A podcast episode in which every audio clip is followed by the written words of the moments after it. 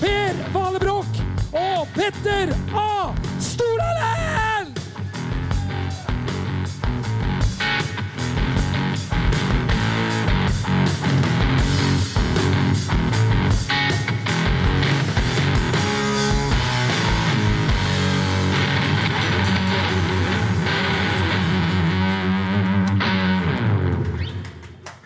Velkommen til en helt ordinær episode av Stormkast. Ser jævlig bra, ser veldig bra ut i dag. Jeg er ikke fin? Jeg tok den eh, Jeg kjøpte den her forleden på Jeg tror det var Sara eller noe annet. Jeg, kjøpte Ja. på. jeg er ganske fin. Du er fin, du òg. Ja, ja.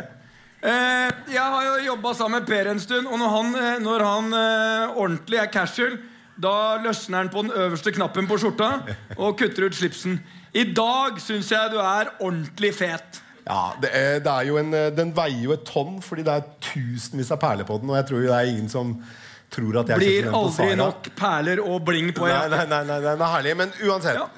Du Så- ser uansett aldri ut som kaptein Sabeltann. Han står her. Ja, han står der.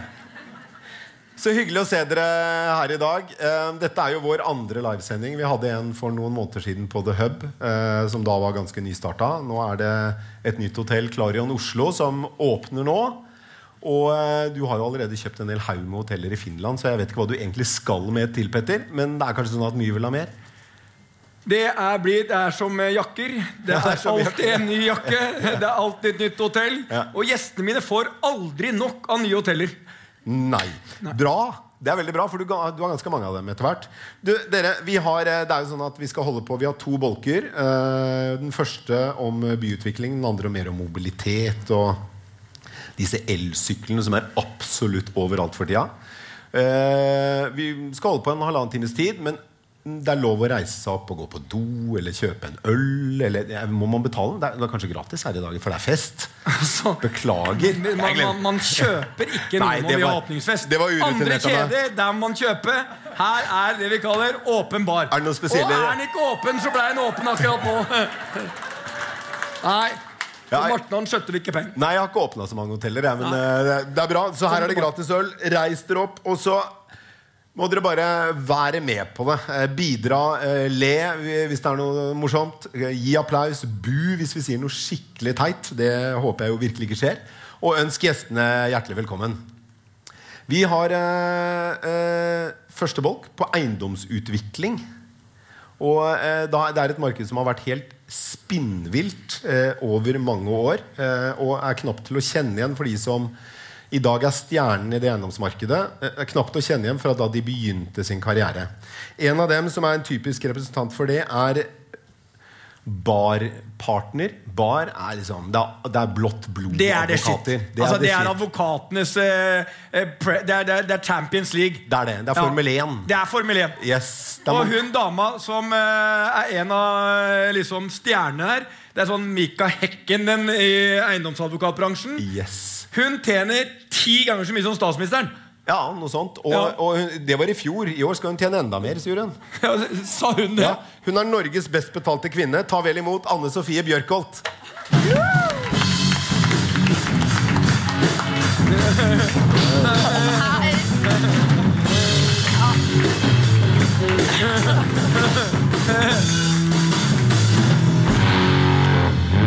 altså, jeg var egentlig ganske fornærma, fordi at eh, jeg liksom ble introdusert som eh, hun som har vært med i eiendomsmarkedet siden det starta. Eh, og ja. er seriøst. Ja, ja. Men, men altså, nå er det alt er tilgitt. Ja. Ja, men jeg, jeg, må, jeg må bare si én ting. Det er første gangen jeg har stått med en advokat som skal levere noe, og som starter med å komme opp med en øl. Ja, men Det viser at det, det skjer ting selv hos det ultrakonservative bar. så skjer det saker. Altså, Det sto øl her oppe, og det var gratis. Ja. Jeg tok hjem. Du, eh, Anne Sofie, når, jeg da sier at du var med fra begynnelsen av liksom, det som eh, var eh, som dagens eiendomsmarked, så er jo det egentlig ikke en så veldig stor fornærmelse. For det er ikke så lenge siden eiendomsmarkedet ble det det er i dag. Nei, det er faktisk ikke det. Men det er jo, eh, jeg er jo eh, 37, eh, så det er jo ikke så lenge siden. Nei. Men ja, det er helt riktig. Jeg, da jeg starta å jobbe som, som advokat, det var på starten av 90-tallet, det, det kan jeg røpe, da drev ingen av de store advokatfirmaene med eiendom. Det ble ansett som lurvete. Det, de som drev med eiendom, det var de små firmaene, og de, de drev med noe som de kalte for gårdsbestyrelse. Det var eiendom. Hva kalte du det? Gårdsbestyrelse. Gårdsbestyrelse. Var det litt sånn at de kastet ut leietagere som Jeg ikke tror betalte? Tror, jeg tror det. Og så eh, og hvis man snakker med litt sånn eh, eldre folk i eiendomsmarkedet, så sier de at ja, det var jo mye enklere da, for da skrev vi jo avtalene på serviett. Det var veldig mye sånn serviett da. Har du skrevet noe på serviett noen gang? Ja. Du har det? Det, det har Nei, jeg vil ikke anbefale det. Altså, jeg, jeg vet jo ikke noe om det, for de tenkte jo ikke meg da de hadde servietter. Men Men hvordan var det? Altså, valgte du eiendom tidlig? Nei, jeg, det ble liksom bare ble sånn. Fordi at jeg begynte å jobbe med litt sånn vanlig ja, kjøp og salg. Også, og det var jo under det, eh, eh, masse sånne telekomselskaper og sånne ting som jeg jo egentlig ikke skjønte så mye av. da, Men de skulle jo kjøpes og selges, de også.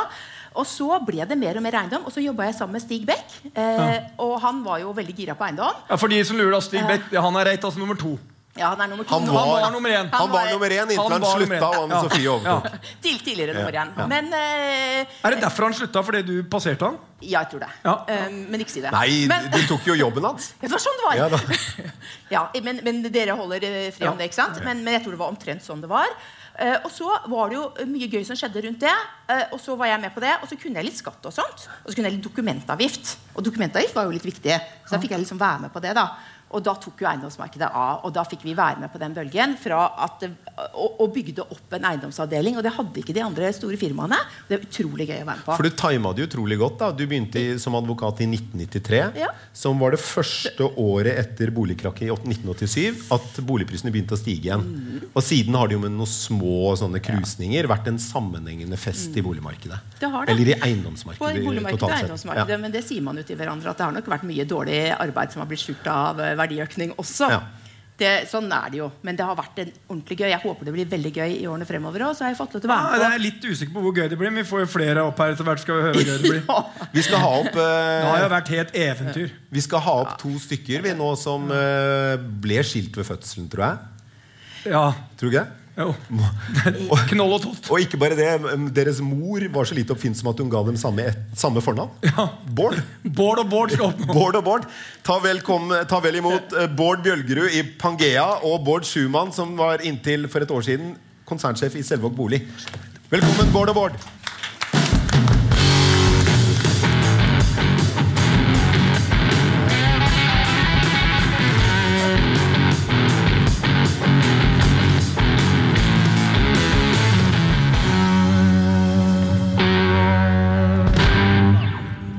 Altså, det dere alle tre har til felles, er at dere har blitt søkkrike på eiendom.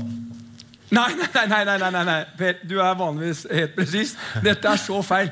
De har blitt søkkrike eh, på grunn av eiendom. På Ikke grunn av eiendom. på eiendom. Og hva mener du med det? Det, vi kan starte lett fra å ta Bård som et eksempel. Mann har jo aldri tatt risiko. Og likevel, Dette er måten å bli rik uten risiko. Han er det de kaller rådgiver. Og da, jeg bare tar ett eksempel. Vi gjorde en deal som het Sektor. Bård var inne, sier noe smart, hjelper henne. Og så kom regninga. Husk, null risiko. Fakturaen var på Var det 60 millioner, Bård? Var det så lite? Nei, det var, jeg tror det var 60 millioner. Ja, det var det, det. det er det samme. Altså, disse er altså, Tross alt, advokater fakturerer. Bård fakturerer. Bare det at nå Jeg er har du, skapt. ja, du, ja, nå er du jo bytta bransje. Altså, nei, nå er jeg arbeidsledig. Du har, ja, ja. Norges rikeste arbeidsledige. Men det er jo sånn at dere har jo bygget dere opp Bård og Bård, dere har jo bygget dere opp på eh, henholdsvis næringseiendomsmarkedet eh, og boligmarkedet. Bård, du var jo konsernsjef i Selvåg Bolig eh, inntil for cirka et år siden. eh, Litt over et år siden, da du gikk på dagen med en eh, hyggelig sluttpakke. eh, Sånn at alle var enige om at her skal vi ikke si noe om hvorfor du slutter. Eh, og siden så har du planlagt din nest, ditt neste karriereskritt. Må finne ut hva jeg skal gjøre når jeg er voksen. vet du. Du må finne ut hva Etter du at jeg skal blitt gjøre. 30. Yes. Og eh, boligmarkedet som du var i høy grad med på å utvikle gjennom mange år i Selvåg bolig. Hvordan vil du beskrive utviklingen av det markedet fra dere alle sånn røftlig begynte i, i boligmarkedet? eh, Eller i eiendomsmarkedet? Jeg begynte jo samtidig, faktisk. Eh, som jeg begynte som eiendomsmegler i 93. Ja. Uh, så det var jo litt det samme. Uh, og så utgangspunktet var at det var jo mye bakgårdskatter. Og som Ja. på utviklersiden også, Det var jo ikke profesjonelle utviklere. Altså det var noen, Du hadde jo Selvåg som var profesjonelle. og- Men det var jo stort sett entreprenørdrevet eller entreprenøreid alt sammen. Nå er jo, driver jo entreprenørene med det, men det er jo kommet masse selskap som driver med både eiendomsutvikling og boligutvikling. Og så er selvsagt ikke alle like proffe, men ja, det har blitt mye mer proft.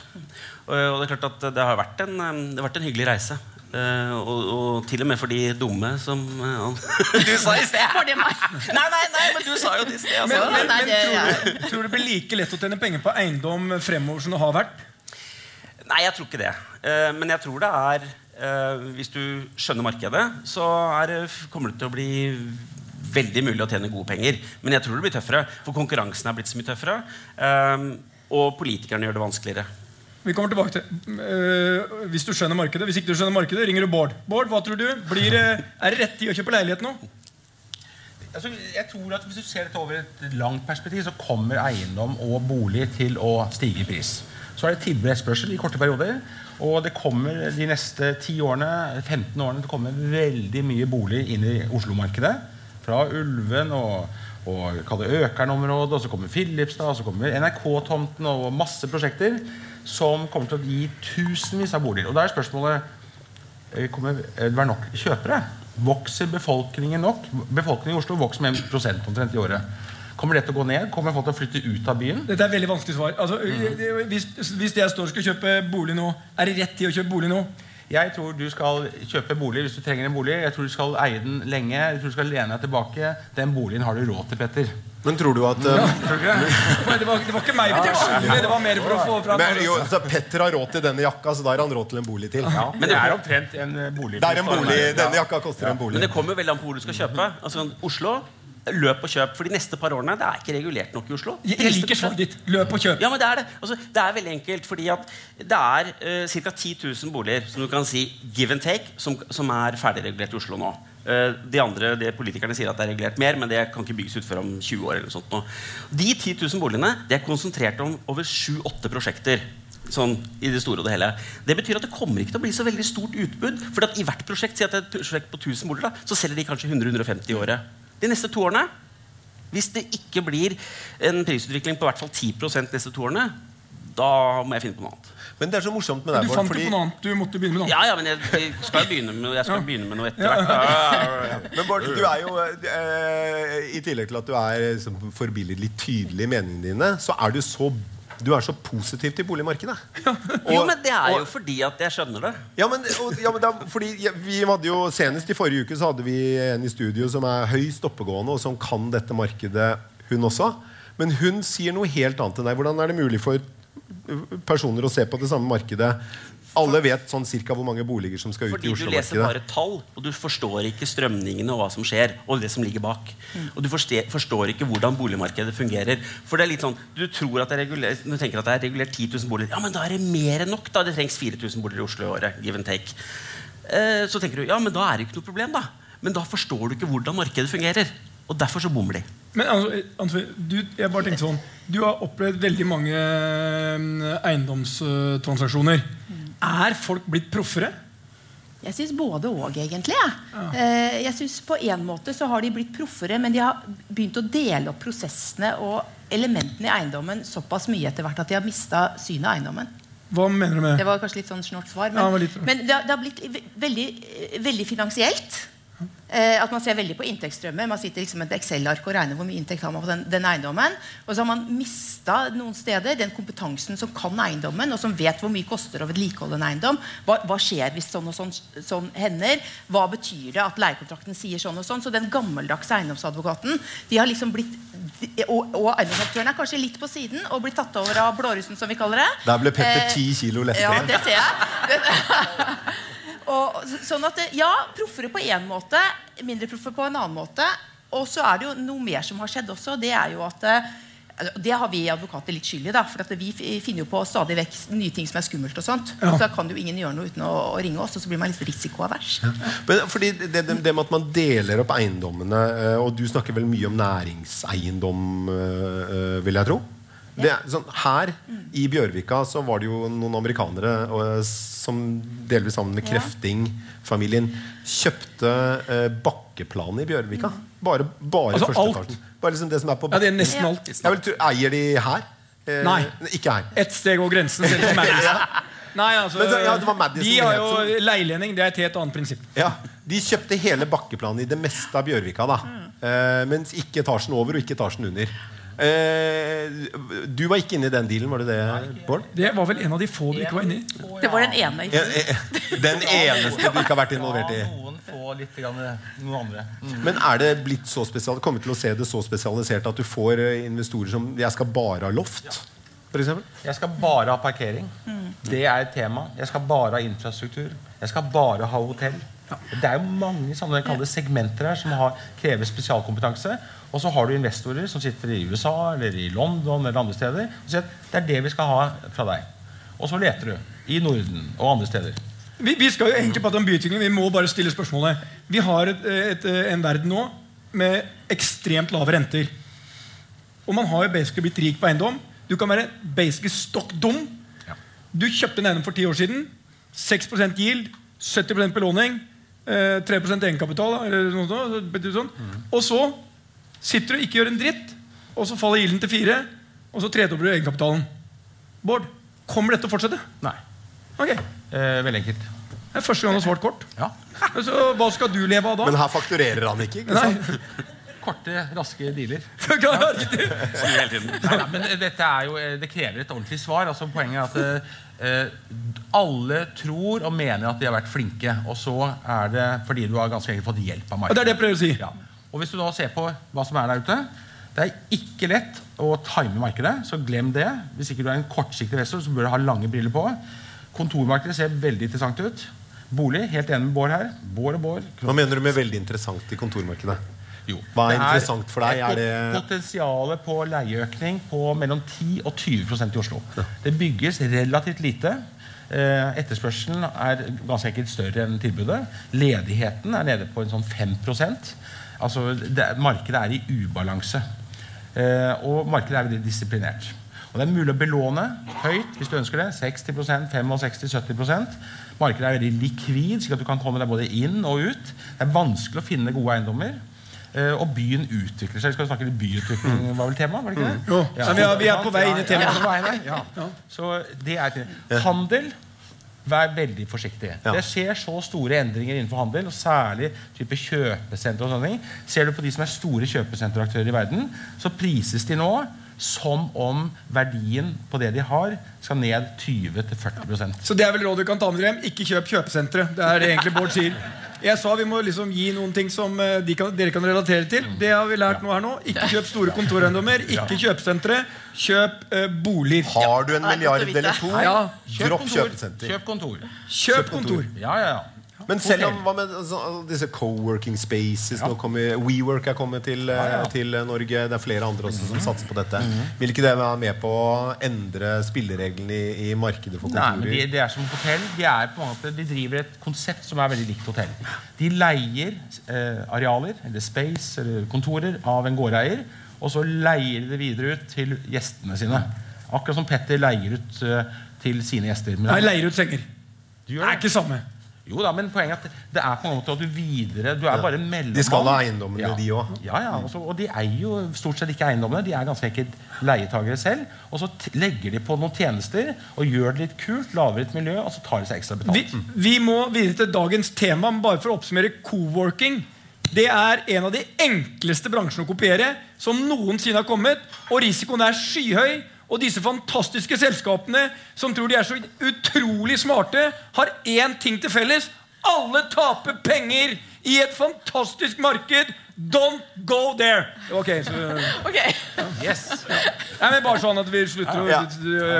du, altså, eh, Noen må jo eh, Hva heter det? Sette øksa der eh, stubben er. Vi må alltid styre unna ordtak når vi kan, Petter, fordi vi bommer alltid. Men, det et nytt Men nå kan du, du eh, som er flink på overganger, tar en overgang fra WeWork, eh, Cowork til eh, byutvikling. Jeg sto faktisk her og tenkte på da, hvordan skal jeg gå over til uh, temaet byutvikling. Jeg vet ikke helt hvordan det skal skje, men jeg lurer jo på hvordan advokatene da som da du begynte, var det typisk en sånn Litt sånn satt på spissen. Det var en Ja. Frognerfrue som arva en bygård, eller det var en advokatfamilie som hadde kanskje kjøpt seg opp noen gårder i sentrum av Oslo, og som de hadde hatt i, siden tidenes morgen, eh, som var eh, besitterne av eiendom. Og de som kjøpte disse eiendommene. Ja, det Sånn. var, var mye sånt. Og så var det jo noen sånn, litt sånn såkalte syndikeringsaktører som begynte å komme. Ja. Men det med de der svære områdeutviklingene, det er ganske nytt. Og det er ganske spennende. Og der er den, den dealen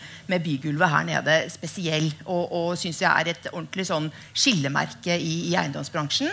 At, at man kombinerer det å kjøpe eiendom med det å bringe liv til det og utvikle det. Og det har jo vi også snakket om en del, Bård. at eh, altså, Nå er det tatt ut ganske mye merverdier i eiendomsmarkedet. Så hva er det du må tilføre nå? Du må tilføre noe mer. Du må tilføre områdekvaliteter og et miljø, sånn som Lam har gjort på Vulkan. Så det skjer mye spennende der. Kan man da si at så lenge Frognerfruer og advokatfamilier eide eh, eiendommene i byen, så var det umulig å få til den type byutvikling vi har sett i Oslo de siste ti åra? Ja, det vil jeg si. Er Fordi at De hadde jo ikke noe interesse av å putte masse penger i dette. her. De hadde sin steady leiekontrakt, og de hadde sin uh, leietaker. Ja, Men de kunne det ikke heller. Altså, De Nei, hadde ikke peiling. det hadde jo- Ja, Men de visste ikke hva de skulle Så de hadde ikke pengene, de hadde ikke Ja. kompetansen, og de hadde ikke Og, og de hadde én og én eiendom. Men er dere, er dere fornøyd? Og nå står, sitter vi i Bjørvika. Er dere fornøyd med det som har skjedd her? Ja. Ja. ja. Tja. Tja. Ok, Det er mest interessant. Hvorfor ikke? Nei, altså uh, Juryen er fortsatt ute hvorvidt dette blir bra eller ikke. Kommer folk til å oppholde seg på kveldstid? Det er ikke sikkert. Uh, vi har et klima i Oslo som gjør det egentlig litt vanskelig å få til et yrende folkeliv liksom ute fra oktober til april. Uh, nå kommer det et bygulv. Vi får se hvor bra det blir. Sant? Kommer disse restaurantene til å overleve? Vi vet ikke. Det kommer masse boliger. Det skal bygges 1200-1500 boliger til utover Bispevika syd. altså eh, ja, ganske enkelt i dette området. Kommer dette til å bli et interessant sted å oppholde seg, eller er det kun å jobbe? Det er vanskelig å parkere her. Hvordan kommer det offentlige som kaller transport og kollektivtilbudet til å bli? Kommer folk til å trekke bort fra Bjørvika og inn mot Jernbanetorget, som har blitt veldig interessant, sant? med alt det som skjer rundt den plassen? Juryen er ute. Vi vet ikke svaret før om fem til ti år. Det er utfordringen ikke sant, når du driver med sånn byutvikling som det er, at det tar så lang tid. Ikke sant? Det tar ti år nesten før vi ser hvordan resultatet blir. Og så er det ikke noen enhetlig planlegging. Og her er det svakhet sånn, i enhver by. Man har ikke lagd en masterplan for hele området rundt sentralstasjonen. Man har tenkt, tenkt ett og ett prosjekt av gangen. Bjørvika, så kom liksom eh, det som nå bygges, eh, med Munch-museet osv. Det tas i sånne små skritt. Det er ikke en masterplan. Det som har skjedd rundt Det er en masterplan vår. Kom igjen, det er- da. det er. Kom igjen. Altså, Ok, Vet du hvordan det kan bli scene til Sveigårds gate med Galleri i Oslo? Ja. Det driver de og snakker om først nå. Ja, men Det har de snakket om i mange år. Men det har jo vært en masterplan for Det var en lang diskusjon om barkode. Og jeg er jeg syns dette området har blitt helt fantastisk mye bedre nå enn det jeg trodde. Jeg syns Deichmanske, Operaen, Munch-museet helt rått. Men når, da jeg kom her i sted, så var det jo ganske dødt, da. Og det er i august. Jo, men det er for tidlig. ikke Det sant? Det er det regna. Jeg sa det, det regna. Og så sitter jo ikke ute og drikker øl. og skal si til deg. Ja, og folk Nei, her? men han- han kommer Det er ingen mennesker utafor som fosser regnet ned. Det, Men litt av clouet Per, er jo utgangspunktet er at her har du én aktør som tar seg av alle førsteetasjene. Jeg tror det er litt av løsningen. Fordi at Tidligere så har det vært slik ikke sant, at du er deg selv nærmest. Du fikser noe i din egen første etasje, og så driter du i hva som skjer rundt deg. Her får du i hvert fall en plan. Du, sannsynligheten for at det lykkes her er mye større nå med én aktør som Krefting, som tross alt har gjort det en gang tidligere, med å sette sammen riktige leietakere og skape noe spennende ut av det. Og så tror jeg at det er klart at med den turismen vi har nå, som er, det er ganske voldsomt, den vil i hvert fall bidra til at det gjør noe. Og så er det utfordringen er at det kommer mange flere boliger, og det er de boligene som sørger for at det kommer til å skje noe på kveldstid her. For hadde det bare, bare vært et eh, holdt jeg på å si, kontorhelvete, så, så hadde det jo blitt helt dødt. Da hadde det blitt sånn Canary Wharf-dødt. eh, Men da Aker Brygge ble bygget, så var det jo ganske dødt i veldig mange år. Og jeg vil jo egentlig si at går du der en typisk februardag, så er det ganske dødt nå. Uansett. eh, Ja, og 20 år Ja, ja. Det er eh, klima. Det får vi ikke gjort så mye med. Det er jo litt av problemet med Tjuvholmen at det er så mye investorleiligheter der. De er jo tomme. Ja. Og det er jo liksom et problem med byutvikling. Men er- Nei, men Problemet er altså det, det er klart det er ikke noe spesielt spennende å sitte på lekteren og ta seg en halv øl når det er minus eh, fem grader og snø. Altså, du er, Det er jo Og 14 du sitter der alene. Ja, du sitter helt alene. Er Ja, I en jakke Det er- det jakka er- jeg hadde på meg, var nok. Men poenget er følgende. Juryen som du snakker om, Bård, og det, Bård og Bård sånn, jeg opple Juryen er veldig enkel. Juryen for meg er, er et sted hvor det er pulserende, det er mennesker som bruker området. Jernbanetorget det var et sted alle bare gikk rett forbi. Jeg var der bare på lørdag. Jeg var der. Yrende liv! Masse folk. folk. Så folk var der. Spiste, drakk øl, hang der sånn. Det området var helt dødt. Og jeg tror Skaper man det, så skaper man trygghet. Tenk deg, Gjennom Oslo City Petter, rett ved siden av ditt hotell, så går det 11 millioner hvert eneste år gjennom den bygningen. Og opp langs Karl Johan så går det 15 millioner. Det er klart det er mennesker. Bare få de til å samles og bli der og bruke stedene. Drikke, feste, spise. Men Bård Bjølgerud, du sier det ikke er noen masterplan. Har du tenkt på én ting? Folketeatret. For 40 år siden så kjørte dere biler gjennom Folketeatret. E18 gikk forbi Oslo rådhus. Tungtransporten gikk rett der sånn. De, de har jo en plan. Det er ikke sånn at de bare tenker å der skal vi ha et Munch-museum. Pung. Ja, der skal vi ha et bibliotek. Pung. Det er jo en plan. Du, jeg tror jeg har mer rett enn det du sier. Fordi den planen som Det, du har, jeg har jobba med det så mange år at jeg var ikke overraska om du skulle være uenig med meg. Det er jo derfor du betaler ham 60 millioner kroner Nei, for å nei, selge det var, eh, det var helt andre grunner til det.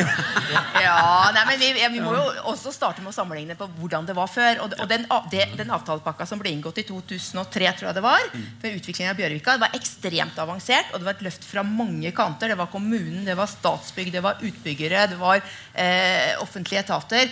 Det, det var utrolig bra håndverk, altså. Så vi fikk løfta det. der. Var det du du som var med og snekra dealen? Dessverre. Jeg skulle veldig gjerne ha vært med. Men det er Bjørvika, Anne Sofie, eller Tante Sofie. Det er Tante Sofie. det der er hersketeknikk. Den var ufin. Men hva sa du? Skulle jeg Det er Er det dagens første Det boing, ja? bare tydelig. Men det, er, det, er ikke var ikke en klapping nå. sentralbaneplan. Det var tegninger og ideer. Det var ikke en plan hva som skulle skje i baklandet rundt de som tar Oslo Spektrum, Plaza, Ja. Royal Christiania og Sveigårds gate, Urtegata osv. Som nå vokser ut og blir en del av byen. sant? Men det, jeg lurer på en ting Hvis du da Sett at du da Du har bygget en, kjempebydel her i Bjørvika Som er, ikke er ferdig Og hvis den da blir vellykket Og det er fullt av liv her dag og natt Og det er sånn, masse aktiviteter hele tiden eh, Det må da gå ut over andre deler av Oslo Gjør det ikke det? Ja, det må Hva? det. Ja, Nei, nei, nei, nei, nei. svaret er feil. er feil, svar feil. Svaret er fullstendig Er, feil. svar, Altså, er det fordi spørsmålet er feil? Jeg, skjønner, for jeg skjønner er ikke, når du flytter mange mennesker dit, så må jo noen forsvinne der. Med mindre det kommer så mange inn til byen. Du skaper, det kommer mange til byen. Husk på at 54% av befolkningsveksten i fjor kom i Oslo og Akershus. Du er så utviklingsoptimist, du, Bård. Ikke, ikke bry deg om ham.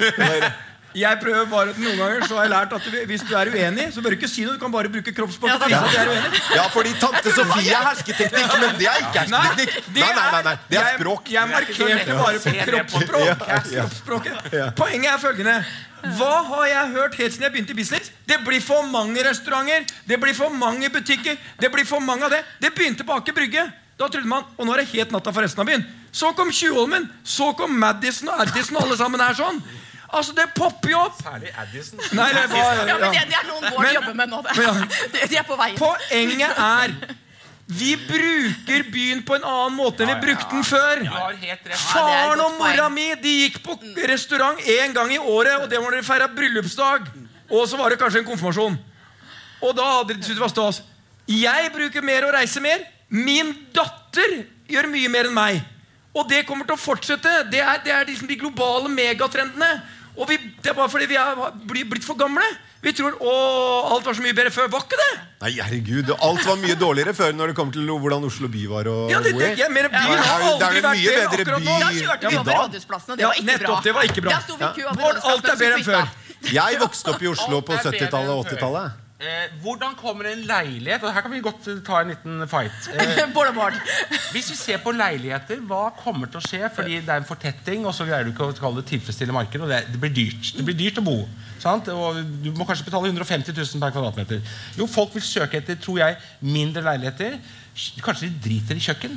Kanskje de dropper en del andre fasiliteter, og så gjør de alt ute. De bare sover der, har en pult, kanskje et lite bord og en kaffetrakter, og resten skjer på byen. Kanskje de ikke engang trenger å sove der. De kan sove hos meg. Ja, ja, men Da trenger vi jo flere restauranter. Ja, så, så er du er litt optimist likevel? Ja, Men men det jeg er optimist. Men jeg prøver hele tiden å prøve å lage litt fiksjon. Ja, det- men jeg er veldig, veldig glad for det, altså, glad Det for må det. finnes både kjøpere Ja. og selgere.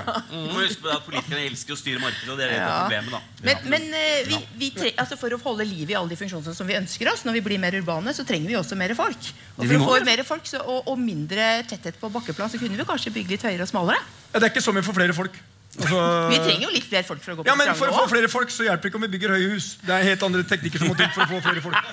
Nei, bare sånn Dette, må på hotellet da. dette er, eh, Da kan man ta inn på hotell som eh, den man er glad i. Sånn blir det flere folk. Vi skal ikke ta den debatten tar vi i Nei, og, neste podkast. jeg merker at nå er det på tide å runde av denne, denne bolken. Men vi skal, ta en sånn, vi skal ta en sånn runde i panelet, som det heter. Eh, Jeg har eh, 100 millioner kroner. Det har jeg jo ikke, men jeg skal, du, jeg skal selge denne jakka. Gi meg, gi meg, Men jeg liker det. Du har, du har 100 millioner. gi meg et kvarter på Tice, så har jeg 100 millioner. Um, og jeg, jeg må inn i eiendomsmarkedet i Norge. Hva investerer jeg? Vi tar, starter med deg og tar runden. Hva? Ok, jeg har 100 millioner. Du kjøper en eiendomsaksje som er rabattert, for de finnes det faktisk noen av. Og så overlater du til andre å drive med eiendom. Hvilken aksje er det? Det kunne vært f.eks. Entra. Det kunne vært Olav Thon. Det kunne vært i Sverige.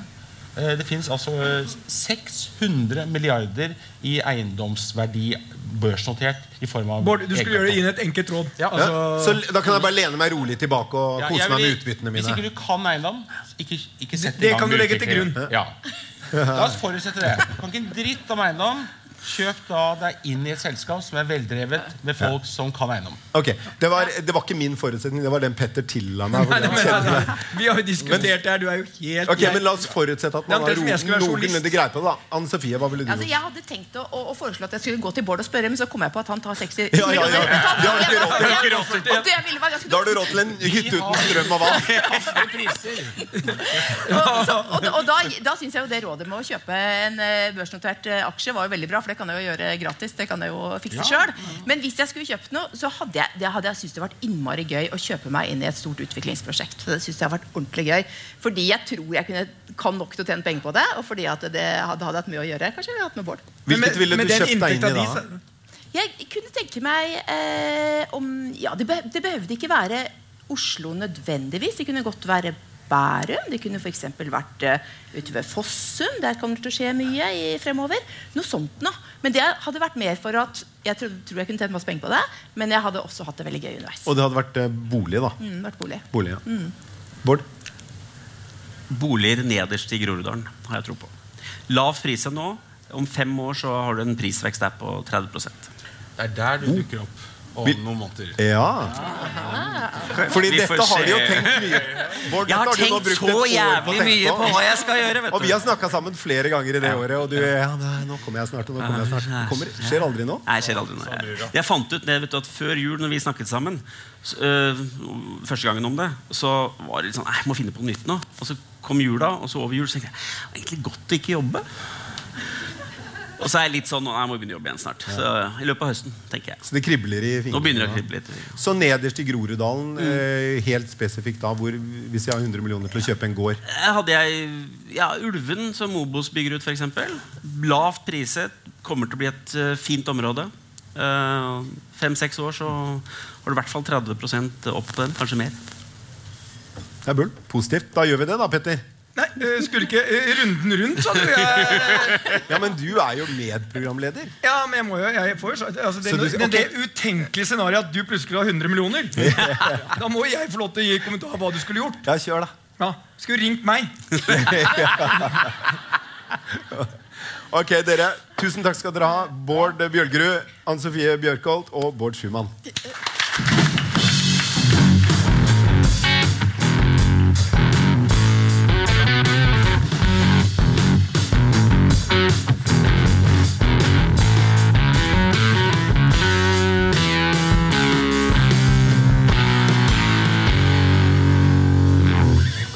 Da tar vi en liten pause, og så ses vi igjen om en fem minutter. eller et eller annet sånt. Gå, og Forsyn dere med noe mer øl, eller? eh, Per, jeg, jeg syns jo De her vet jo hva vi skal prate om neste runde. Og vi må jo, Nå skal du få en oppgave som vanligvis jeg eh, pleier å gjøre. Du skal dra en ordentlig med den jakka. du har Aldri sett så fet ut. Så skal du dra det var litt meg, liksom. Du skal dra introen på neste tema. Å, jeg hater det der. Nei, nå skal du elske meg. Du har jo sagt Vi må utfordre hverandre litt. Du må, Dette er å utfordre meg. ja, Du nekta lenge. Jeg må innrømme én ting. Det eneste ikke jeg skjønner, er hvorfor du tok den jævla hvite skjorta under. Hadde du hatt svart T-skjorte, så hadde det sett mye bedre ut. Men eh, jeg gadd ikke å si det til han og tok den bra, for jeg tenkte at det er det eneste han har. Så. Men ok, det var poenget. Nå skal du gi Så her nå. Eh, ta, vi tar en skål, og så skal du nå For da får du de sekunder tenke på det. Nå skal dere høre. Jeg bare gir dere Dette er sønn til den legendariske redaktøren Per Valebrokk. Mannen som på et hvilket som helst tidspunkt kunne bare dra rett fra hofta de mest fantastiske formuleringer. En retoriker i verdensklasse. Her har eplet falt langt Nei, her har ikke eplet falt langt fra stammen. Jeg gir dere Valebrokk junior! Ja, altså, han var jo veldig god på replikker, men han, det, han, det han ville sagt i, i denne settingen han, Ja, men da ses vi, da. Og det gjør vi.